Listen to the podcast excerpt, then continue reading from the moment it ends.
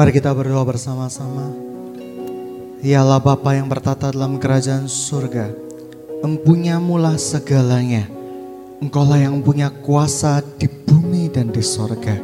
Kami takluk padamu, kami berserah pada kedaulatanmu. Tuhan jikalau pada pagi hari ini kami mau mendengarkan kebenaran firman-Mu, biarkan firman-Mu itu keluar dari hatimu, bukan karena fasih lidah seseorang, tetapi karena cintamu kepada kami. Terima kasih Tuhan, kami berdoa hanya di dalam satu nama, yaitu nama Tuhan Yesus Kristus yang hidup. Kami mau berdoa dan mengucap syukur. Haleluya. Amin. Shalom. Mari kita buka kebenaran firman Tuhan di dalam 1 Timotius oh, mohon maaf 2 Timotius 2 Timotius 2 ayatnya yang ketiga. 2 Timotius 2 ayatnya yang ketiga. Saya bacakan ikutlah menderita sebagai seorang prajurit yang baik dari Kristus Yesus. Prajurit yang baik dari Kristus Yesus. Berikutnya, seorang prajurit yang sedang berjuang tidak memusingkan dirinya dengan soal-soal penghidupannya. Sekali lagi saya garis bawahi, prajurit yang baik yang sedang berjuang tidak memusingkan dirinya dengan soal-soal penghidupannya. Supaya dengan demikian ia berkenan kepada komandannya. Seorang olahragawan hanya dapat memperoleh mahkota sebagai juara apabila ia bertanding menurut peraturan-peraturan olahraga. Seorang petani bekerja keras haruslah yang pertama menikmati hasil usahanya. Perhatikan apa yang kukatakan. Tuhan akan memberikan kepadamu pengertian dalam segala sesuatu. Hari ini kita belajar tentang bagaimana mencapai apa yang menjadi tujuan Tuhan di dalam kehidupan kita. Seringkali kita berkata demikian. Tuhan suruh saya untuk belajar di farmasi. Mungkin kita sering dengar kata Tuhan suruh saya belajar di teknik. Tuhan suruh saya untuk melakukan ini dan itu. Tetapi, tahukah Anda, kata-kata kita yang kelihatannya sepele pada hari penghakiman kelak harus dapat kita pertanggungjawabkan di hadapan Tuhan semesta alam. Seringkali kita melanggar perintah Tuhan di perjanjian lama jangan sebut nama Tuhan Allahmu dengan sembarangan. Tetapi sering kali secara tidak sadar kita menyebut nama Tuhan kita dengan sembarangan. Kita selalu untuk melegitimasi tindakan kita, kita selalu berkata Tuhan yang suruh. Oke, saya akan mulai garis bawahi siapa yang mengenal suara Tuhan. Alkitab mencatat yang mengenal suara Tuhan adalah domba-domba Tuhan. Amin. Amin. Alkitab mencatat bahwa yang mendengarkan suara gembalanya hanyalah domba-dombanya.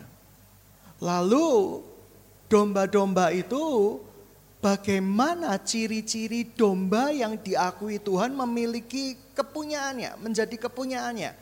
Ciri-ciri yang pertama yaitu taat.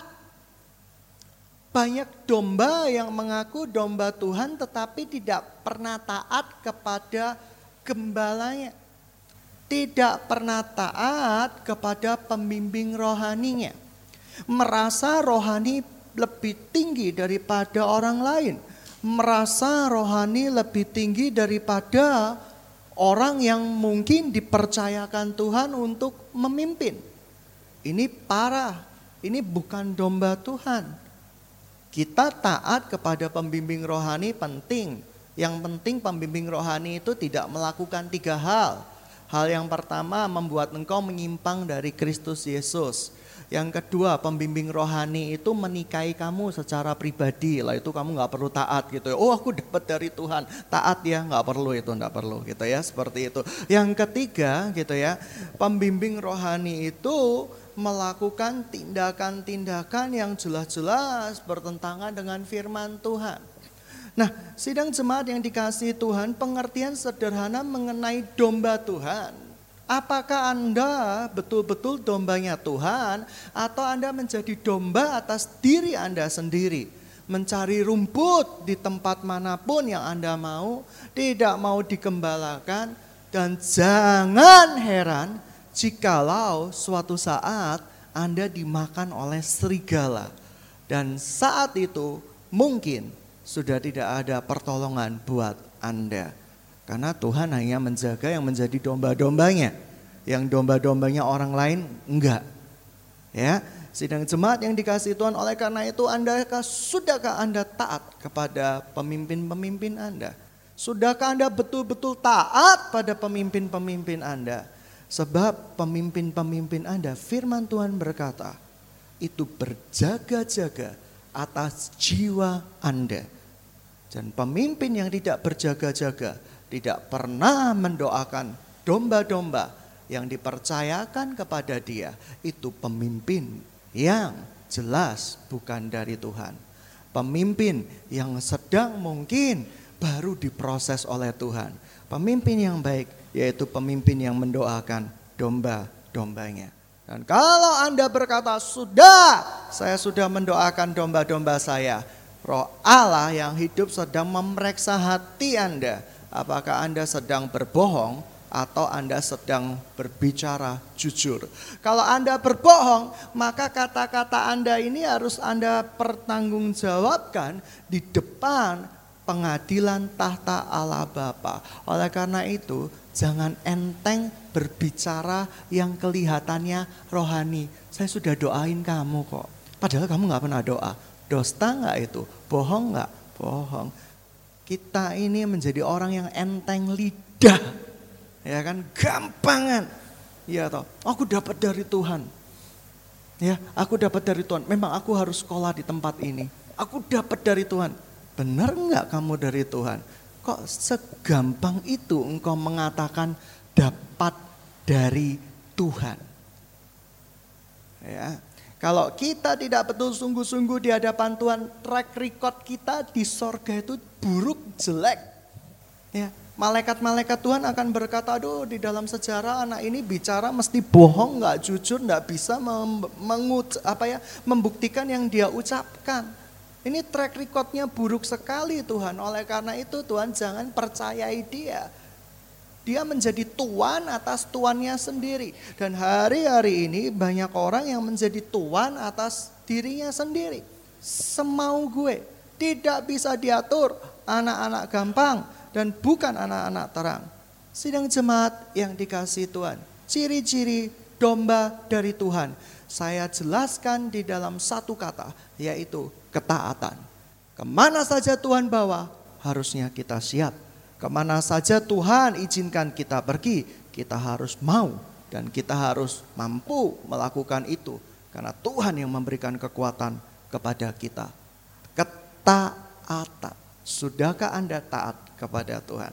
Hari ini biarkan api roh kudus membakar kita dengan gairah yang suci untuk menaati dia.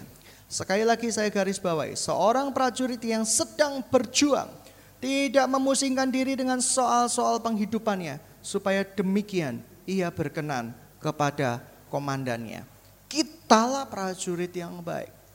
Oleh karena itu firman Tuhan berkata jangan khawatir apa yang hendak kamu makan, minum, pakai. Burung pipit di udara dipelihara oleh Tuhan.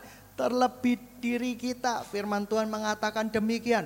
Bunga bakung dengan segala segala keindahannya. Itu Salomo pun emas-emas Salomo tidak bisa menandingi bunga bakung itu. Itu luar biasa kata-kata statement Tuhan. Jangan khawatir, saya memelihara kamu. Kalau kamu yang sedang di dalam pemeliharaan Tuhan, kamu akan mendapatkan berkat yang secukupnya dari Tuhan.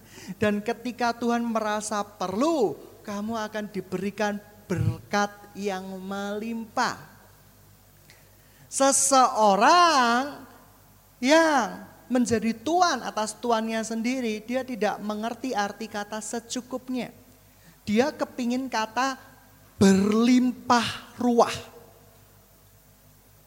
Dan dia dapat menggunakan kekayaannya itu untuk menghibur dirinya, menyenangkan dirinya tanpa memperhatikan apa yang menjadi kehendak Tuhan atas dirinya. Oleh orang oleh karena itu banyak orang yang tidak pernah bisa melihat wajah Tuhan karena dia tidak pernah taat, tidak pernah murni hatinya. Sekali lagi, Tuhan akan memberikan prajurit-prajuritnya berkat yang secukupnya. Saya tidak bisa bayangkan kalau seorang prajurit diberikan berkat yang melimpah pada waktu itu ukurannya belum saatnya dia diberikan berkat yang melimpah, prajurit itu akan menjadi prajurit kegemukan rohani. Prajurit yang berat badannya gede, gendut-gendut, tambun, tampang bundeli. Wah seperti itu. Besar sekali. Berat badannya mungkin 100 kilo ke atas 200 kilo ke atas. Dan prajurit seperti itu saya percaya yang dia bisa lakukan cuma prajurit berani mati. Itu pun dia akan mati sendiri. Prajurit berani mati itu apa? Dia bawa bom dia bunuh diri. Tetapi orang yang kegemukan badan, dia mau bawa bom aja, bawa dirinya sendiri aja udah susah apalagi bawa bom. Oleh karena itu tidak terpakai prajurit-prajurit seperti itu. Tuhan tahu berkat yang secukupnya buat prajurit-prajurit yang sedang bertanding.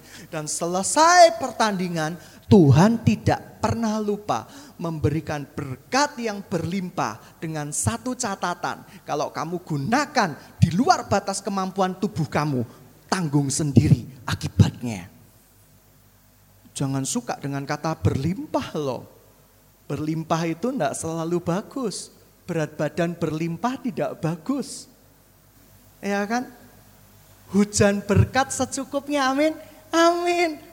Ayo, jadi saya koreksi. Waktu saya remaja, waktu saya masih apa ya pra remaja dan pemuda, sering kali kita berkata, hujan berkatmu Tuhan, teruskan, teruskan sampai meluap, sampai banjir. Kalau tsunami gimana? Kamu yang mati. Kalau banjir bandang gimana? Kamu tenggelam. Kamu yang mati. Jadi oleh karena itu jangan sekali-kali berkata hujan kalau sesukupnya itu enak. Tapi kalau hujan berlarut-larut itu akan membawa bencana. Tuhan tahu ukuran yang pas buat kita. Tuhan tahu ukuran yang pas buat prajurit-prajuritnya. Hai prajurit-prajurit Tuhan, pemeliharaan itu datangnya dari Tuhan. Tidak usah kamu bingung, kamu makan, minum, pakai atau yang paling mengerikan yaitu mengasihani diri sendiri. Tuhan butuh prajurit rohani. Tuhan tidak butuh pesinetron rohani. Saya garis bawahi. Oh Tuhan, apa salahku? Apa salah ibuku? Hidupku dirundung pilu. Loh itu lagu ya gitu ya. Tuhan mengapa saya cuma makan satu makanan ini saja kita mulai marah sama Tuhan, kita mulai kecewa sama Tuhan. Kita merasa diri kita layak untuk mendapatkan yang terbaik, tapi Tuhan sedang mau bicara sama kita. Aku sedang melatih dirimu untuk menjadi prajurit-prajurit yang baik. Prajurit yang baik tidak pusing dengan penghidupannya, tetapi dia selalu setia kepada komandannya. Kalau Anda tahu prajurit ya, bukan prajurit-prajurit di masa lalu, itu makanannya dijatain. Pagi harus bangun, makanan yang secukupnya, berlatih juga secukupnya. Dia tidak boleh berlatih terlalu keras. Kata-kata terlalu keras. Sebab apa? Ketika dia berlatih terlalu keras, pada saat peperangan sesungguhnya dia udah capek. Dia udah letih, mengangkat senjata pun tidak bisa. Saya suka kata secukupnya, seperlunya. Ya kan? Anda berlatih siang dan malam, tidak perlu. Tetapi Anda perlu berlatih secukupnya, sesuai dengan ukuran yang diberikan Tuhan masing-masing. Apakah Anda domba-dombanya Tuhan? Hanya Anda yang bisa jawab. Sudahkah Anda taat pada pemimpin-pemimpin rohani Anda? Atau Anda pura-pura taat atau sering kali tidak taat? Atau taat dengan catatan kaki atau catatan kecil? Saya taat asalkan ini tidak berkaitan dengan pasangan hidup. Saya taat asalkan ini tidak berkaitan dengan pekerjaan. Saya taat uh, asalkan ini tidak berkaitan dengan selera rambut saya. Uh, tolong, uh, ya kan? Saya pernah bilang sama anak rohani saya, enggak apa-apa rambut kamu kasih warna-warni coklat, hitam, ya kan biar abu-abu sekalipun. Tetapi satu hal, jadi berkat enggak kamu sama sekeliling. Kalau sekeliling lihat kamu norak and lebay dan itu jadi batu sandungan, firman Tuhan berkata sebaiknya jangan. Karena perhiasan darimu yaitu hati yang murni, hati yang cinta pada Tuhan. Yang berikutnya, Seorang olahragawan hanya dapat memperoleh mahkota sebagai juara apabila ia bertanding menurut peraturan-peraturan olahraga. Di dalam kekristenan ada peraturan-peraturan rohani. Di sebuah perlombaan lari, Anda tidak mungkin tidak mengikuti aturan-aturan lomba lari. Pada waktu saya SMP, teman-teman saya banyak yang curang. Ketika guru olahraga kami berkata ya siap-siap ya satu belum tiga satu sudah lari duluan. Ada yang dua lari langsung tiga ada yang ya beberapa taat tiga ada yang masih kebingungan dengan perintah lihat kiri lihat kanan tiga tiga gitu ya seperti itu padahal tuh angkanya sudah empat banyak yang tidak mengikuti peraturan-peraturan olahragawan. Seorang olahragawan harus belajar tahu timingnya Tuhan. Sidang jemaat yang dikasih Tuhan. Anda harus tahu waktu Tuhan. Kalau waktu Tuhan melatih dirimu, sabarlah. Karena itu proses kamu untuk dijadikan olahragawan sejati. Kalau pada waktunya Tuhan berkata suruh bertanding, kamu harus bertanding dengan baik karena itulah kekuatan kita, penghargaan kita sebagai olahragawan. Saya dulu ikut taekwondo, lumayanlah bannya gitu ya. Uh, saya lumayan seperti itu. Sebuah kebanggaan kalau bisa bertanding.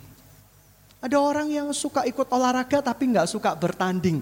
Lalu kenikmatannya di mana?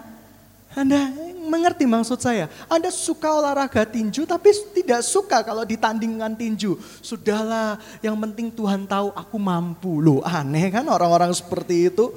Ya, orang yang suka main mungkin olahragawan apa ya? Sebenarnya bukan olahraga, ya bolehlah olahraga otak, olahragawan catur main catur dengan dirinya sendiri terus tidak pernah mau bertanding. Ye menang, ore gitu ya. Saya percaya itu permainan catur di rumah sakit jiwa menur ya. Seperti itu artinya percuma sia-sia.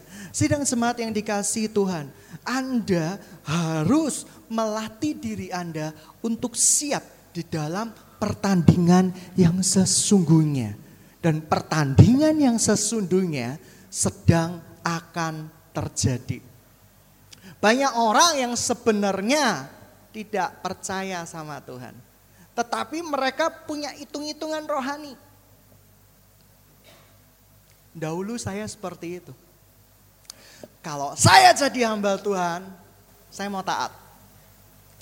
Tapi tangan kiri saya berserah kepada Tuhan, tangan kiri saya mau menyembah Tuhan, tapi tangan kanan saya wiritan, tahu wiritan, menghitung-hitung saya dapat bulanan dari uh, ini, ini, ini, ini. Oh cukup cukup kalau saya jadi hamba Tuhan. Apakah itu disebut dengan berserah?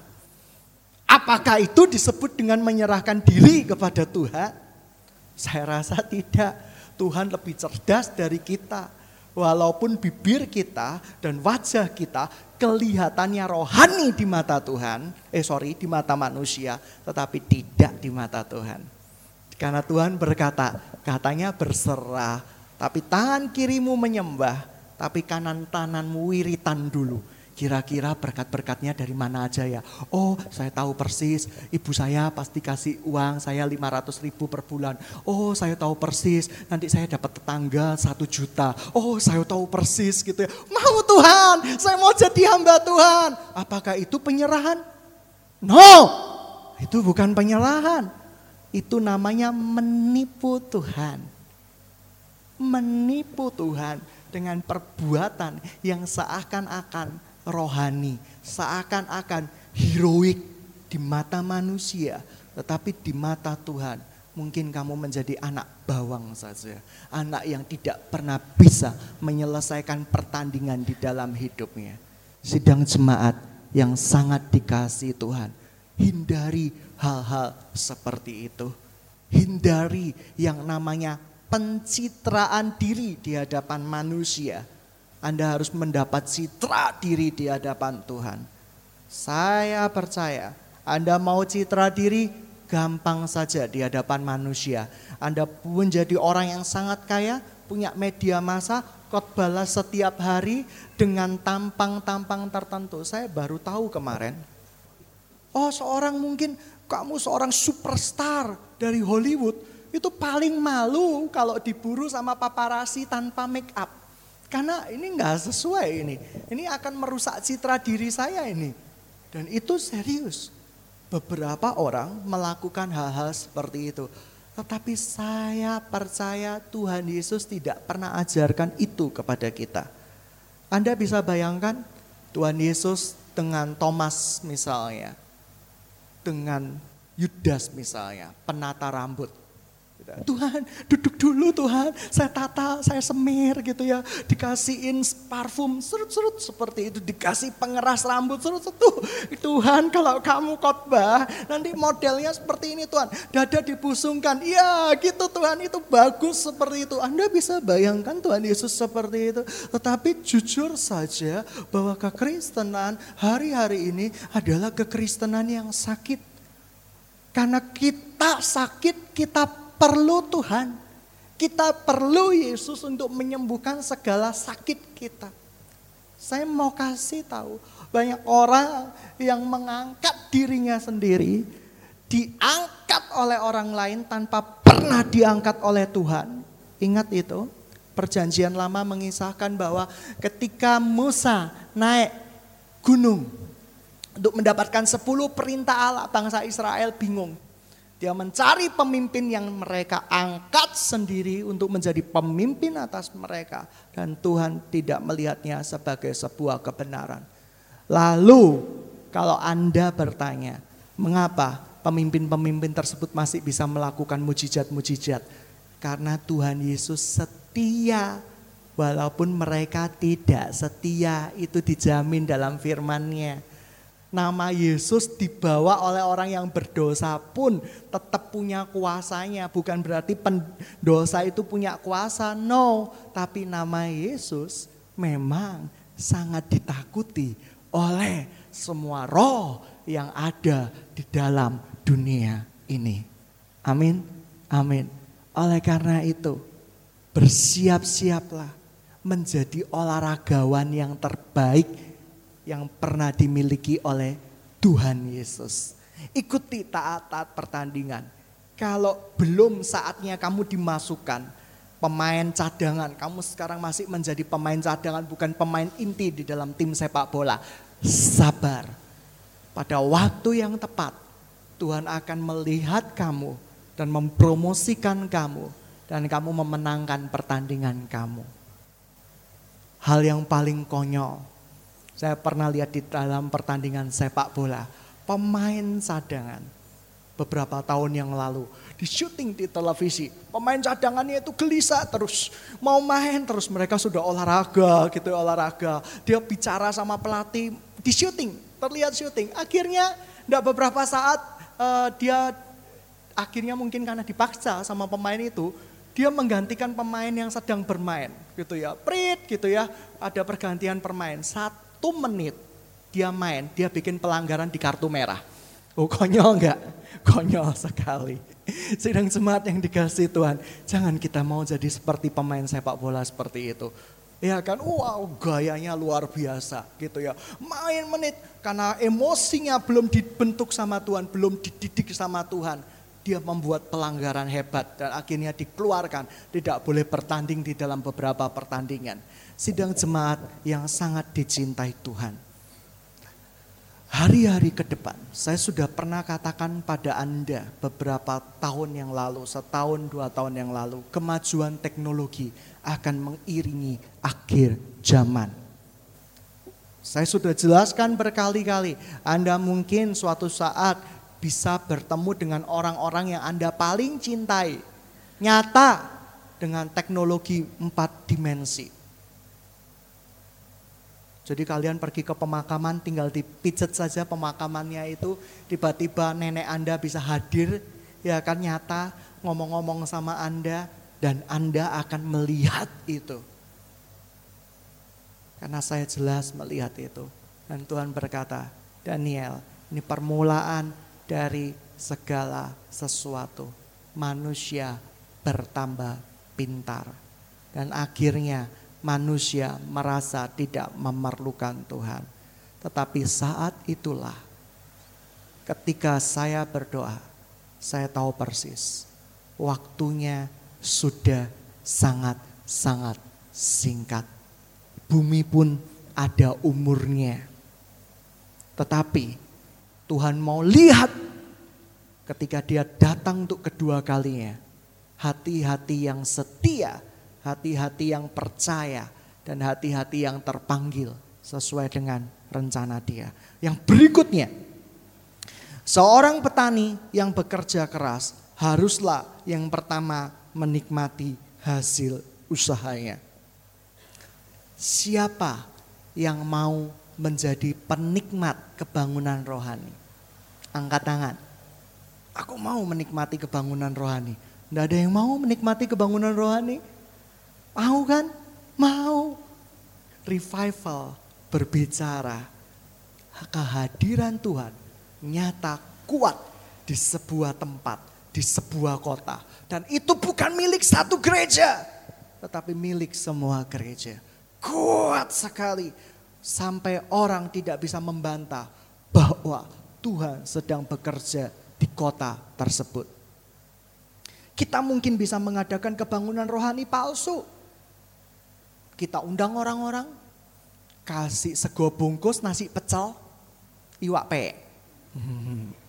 Kita kasih mereka.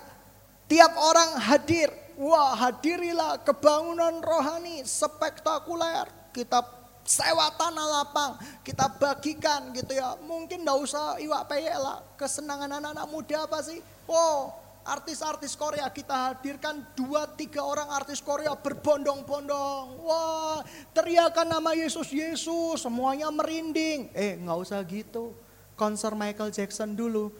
Michael, Michael, merinding tuh orang-orang. Itu kehadiran Tuhan kah? Shalom, shalom. Ketika uh, mungkin adik saya lihat konser Korea ya di Jakarta, mungkin dia juga bisa ikut heboh. Wah, uh, gitu ya. Hadirat Tuhan kah? Ya hadirat Tuhan kah sampai pingsan-pingsan. Oh, gitu. Uh, kuasa Tuhan dahsyat. Kenapa kok nggak ada yang melaporkan ya? Kuasa dahsyat Tuhan dahsyat melanda pertunjukan artis Korea itu di mana banyak orang bertumbangan. Tetapi kenapa indikator kedatangan Tuhan di sebuah gereja selalu kejadian tumbang menumbang ria? Karena nama lain pun disebut. Orang bisa tumbang. Kehadiran Tuhan bukan tumbang-tumbangan men.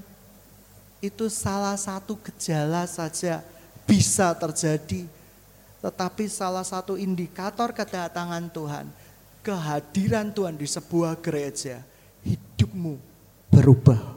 Hidupmu tidak pernah sama lagi, buah-buah roh. Mau buat dosa, ndak enak hati. Mau buat dosa, ndak enak hati. Saya dulu jago tumbang-tumbangan. Ayo jago-jagoan. Bukannya sombong sedikit congkak. Saya doain orang terpental 4 meter. Padahal saya ngerasa Tuhan hadir, Tuhan tidak kepingin dia terpental 4 meter. Kenapa kok terpental 4 meter? Pertama saya berkata, dia sudah tahu saya waktu itu penginjil yang suka mementalkan orang. Ya kan? Padahal cuma, oh gitu ya, wah bangga enggak? Oh bangga, kayaknya ada tenaga dalam. Tapi malam harinya Tuhan berkata, Daniel sini, ya Tuhan, apa Tuhan? Saya nggak suruh dia terpental 4 meter loh, saya juga kagak Tuhan gitu ya. Berarti yang membuat terpental siapa? Ya siapa ya Tuhan? Kita tersenyum bersama-sama. Anda tidak bercanda. Tapi yang tersenyum bersama-samanya tidak, tidak, tidak. Gitu ya. Uh, artinya bahwa sering kali orang karena sudah di, mohon maaf ya, sugesti bahwa hamba Tuhan itu punya kuasa ter, uh, terbesar di bumi, di sorga, di planet, di galaksi Ya, saya mau suatu saat pasang kok gitu ya, supaya orang saya, wah orang takluk sama saya bukan takluk sama Tuhan, hamba Tuhan terbesar di planet galaksi. Wah, di galaksi mana? Bima Sakti gitu ya. Wah, galaksi Andromeda. Wah, kita kurang komplit kalau tulis bumi gitu ya. Di bumi, di sorga, tidak ada hamba Tuhan sebesar dia. Ini orang, sorry ya, ini kok cenderungnya ke arah sudah tidak benar, tidak baik sidang jemaat yang sangat dicintai Tuhan. Anda mungkin bisa mendapatkan kuasa dari sugesti. Anda mungkin bisa mendapatkan kekuatan baru dari sebuah sugesti. Tapi kekuatan itu cuma temporary, sementara. Tetapi kalau kamu dapat air hayat, yaitu Yesus sendiri, yang seperti aliran-aliran air, yang tidak akan pernah berhenti, maka kamu akan mengalami revival yang sesungguhnya. Hari-hari ini Tuhan berkata, banyak anak Tuhan yang salah panggilan. Ada yang tidak dipanggil sebagai pengkhotbah, maju aja sebagai pengkhotbah. Akhirnya, oh, kalau nggak dipanggil kok terkenal? Belum tentu orang yang terkenal itu dipanggil oleh Tuhan. Amin. Belum tentu orang yang tidak terkenal itu juga dipanggil oleh Tuhan. Sama-sama. Tapi sidang semat yang dikasih Tuhan. Banyak anak Tuhan yang salah panggilan. Panggilannya seharusnya di pebisnis. Tapi dia mau menjadi pengkhotbah. Akhirnya khotbahnya bisnis melulu. Ya kan? Cuan melulu. Ya kan? Perpuluhan melulu. Loh perpuluhan itu wajib nggak? Ya terserah. Anda mau wajib atau mau tidak wajib ya enggak apa-apa.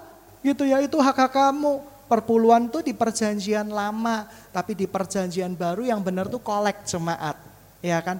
Dengan saya garis bawahi suka rela. Oleh karena itu, kalau panggilanmu berbisnis, berbisnis saja, jangan jadi pengkhotbah. Nanti buat gereja dengan hitung-hitungan. Kalau saya memenangkan 20 bos, masing-masing bos itu punya penghasilan 300 juta. Berapa ya yang saya dapat? Oh cuan, cuan, ini cuan.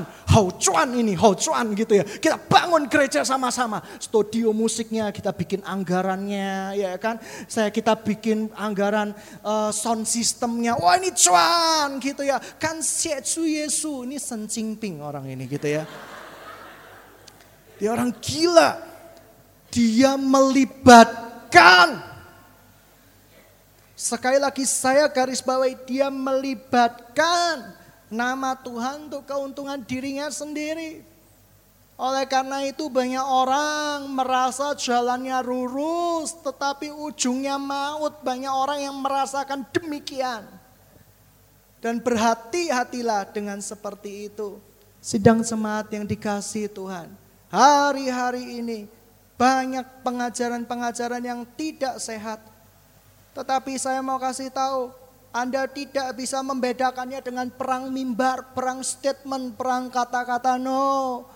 Anda bisa membedakannya dengan hidup tinggal bergaul dengan Tuhan. Dan Anda bisa mengenal suara Tuhan.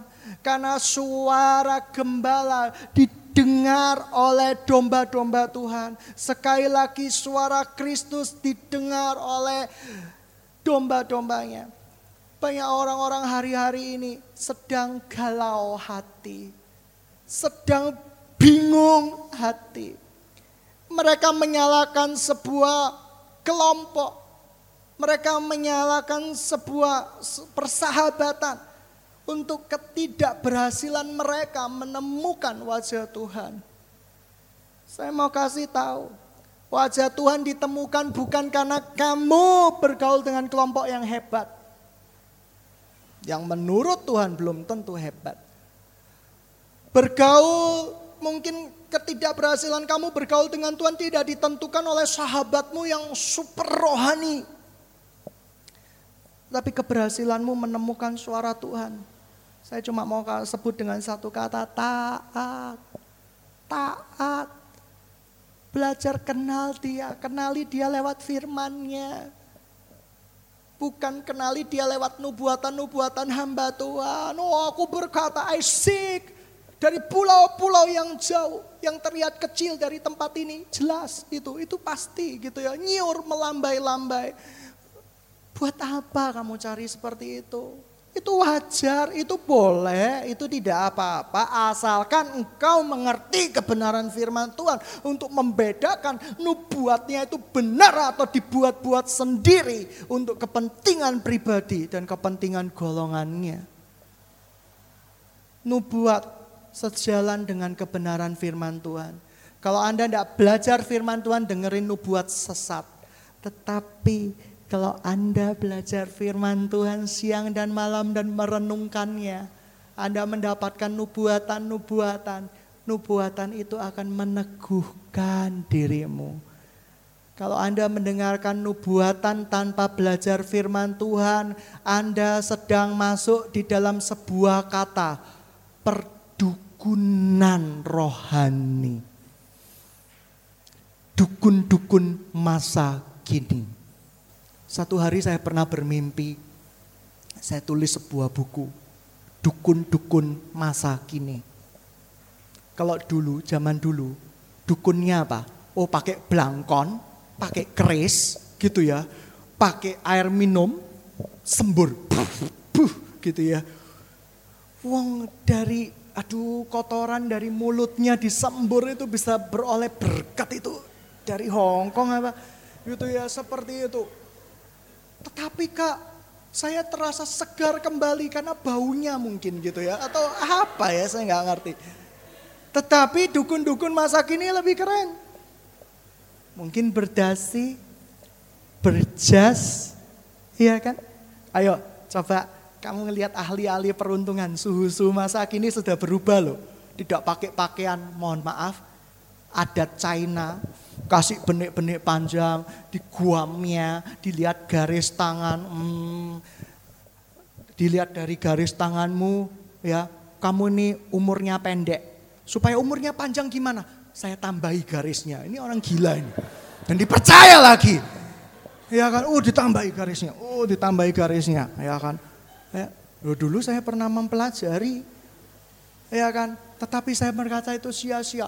Oh, supaya kamu lihat, kalau di sini ada garisnya ya, itu nanti istrinya lima, istrinya enam. Laki-laki suka cita, hei asik gitu ya. kalau wanita juga suka cita dong harusnya, kalau garisnya lima berarti suamimu lima. Nah, Sidang jemaat yang sangat-sangat dikasih oleh Tuhan, hal-hal seperti itu membuat kita semakin lama semakin jauh sama Tuhan. Saya pernah lihat ya, secara mata kepala sendiri. Uh, orang yang pergi ke perdukunan, guamnya dan yang lain-lain, rohnya itu diikat. Rohnya diikat. Satu hari saya lihat orangnya sedang jalan. Dan entah gimana, uh, saya lihat gitu ya orang yang persis sama dengan dia di belakang dia dengan wajah muram dengan badan yang diikat. Dan saya ngeri sekali. Berarti itu orang sudah seperti mayat hidup hidupnya nggak akan pernah bisa bertemu dengan Tuhan sebelum rohnya dibebaskan. Sedang jemaat dengan kasih Tuhan jangan sekali-sekali masuk di dalam perdukunan-perdukunan. Kamu anak Tuhan. Tuhan yang ada di dalam kita jauh lebih besar daripada roh-roh yang ada di dalam dunia ini. Dan orang-orang seperti itu kalau tidak dibebaskan dia akan menderita seumur hidup. Minimal gila, minimal depresi rohani. Sidang jemaat yang sangat dikasih Tuhan tetapi dukun-dukun masa kini juga nggak kalah keren. Di gereja ada dukun-dukun rohani. Berjas, berdasi, dan membawa firman Tuhan. Yang suka berkata, Hei kamu, Tuhan suruh kamu di tempat ini. Saya nggak pernah suruh orang seperti itu. Hei kamu, Tuhan suruh kamu di tempat ini ingat. Jangan main-main dengan suara Tuhan. Neraka itu ada loh. Dan penghukuman bagi orang-orang yang tidak pernah bisa setia di hadapan Tuhan. Neraka itu ada. Saya takut dan gentar sampai sekarang. Biarlah lagu kecil ini menyadarkan Anda. Saya nggak akan menyanyikan. Tapi nyanyikan dalam hati aja. Lagu sekolah minggu, mungkin tidak pernah sekolah minggu. Hati-hati gunakan matamu. Ya kan, hati-hati gunakan tanganmu. Tuhan Yesus di surga melihat ke bawah. Hati-hati gunakan tanganmu.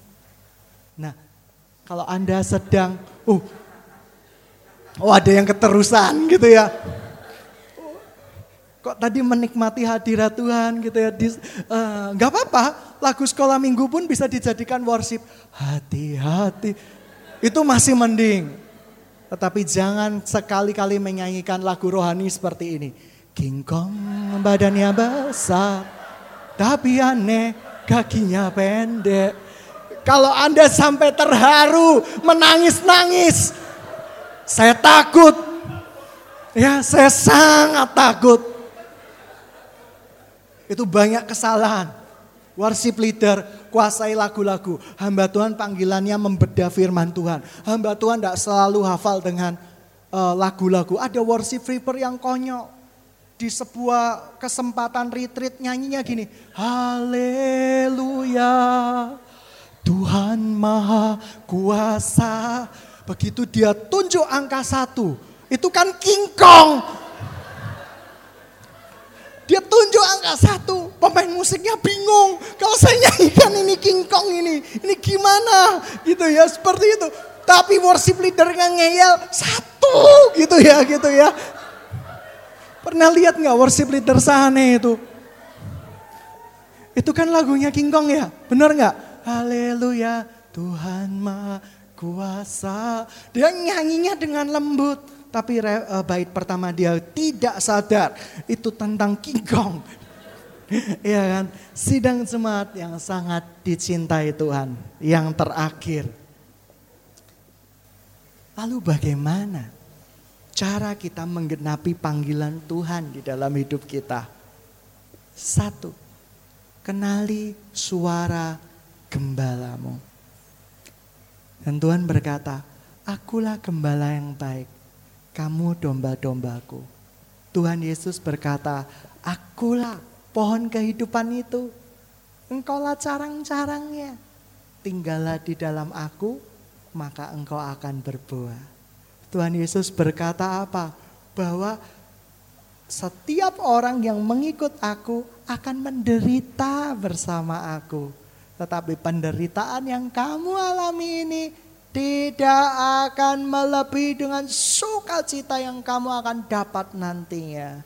Dan yang berikutnya Tuhan Yesus berkata apa? Janganlah engkau menjadi hamba uang. Sebab orang jatuh di dalam berbagai-bagai pencobaan karena mencintai uang.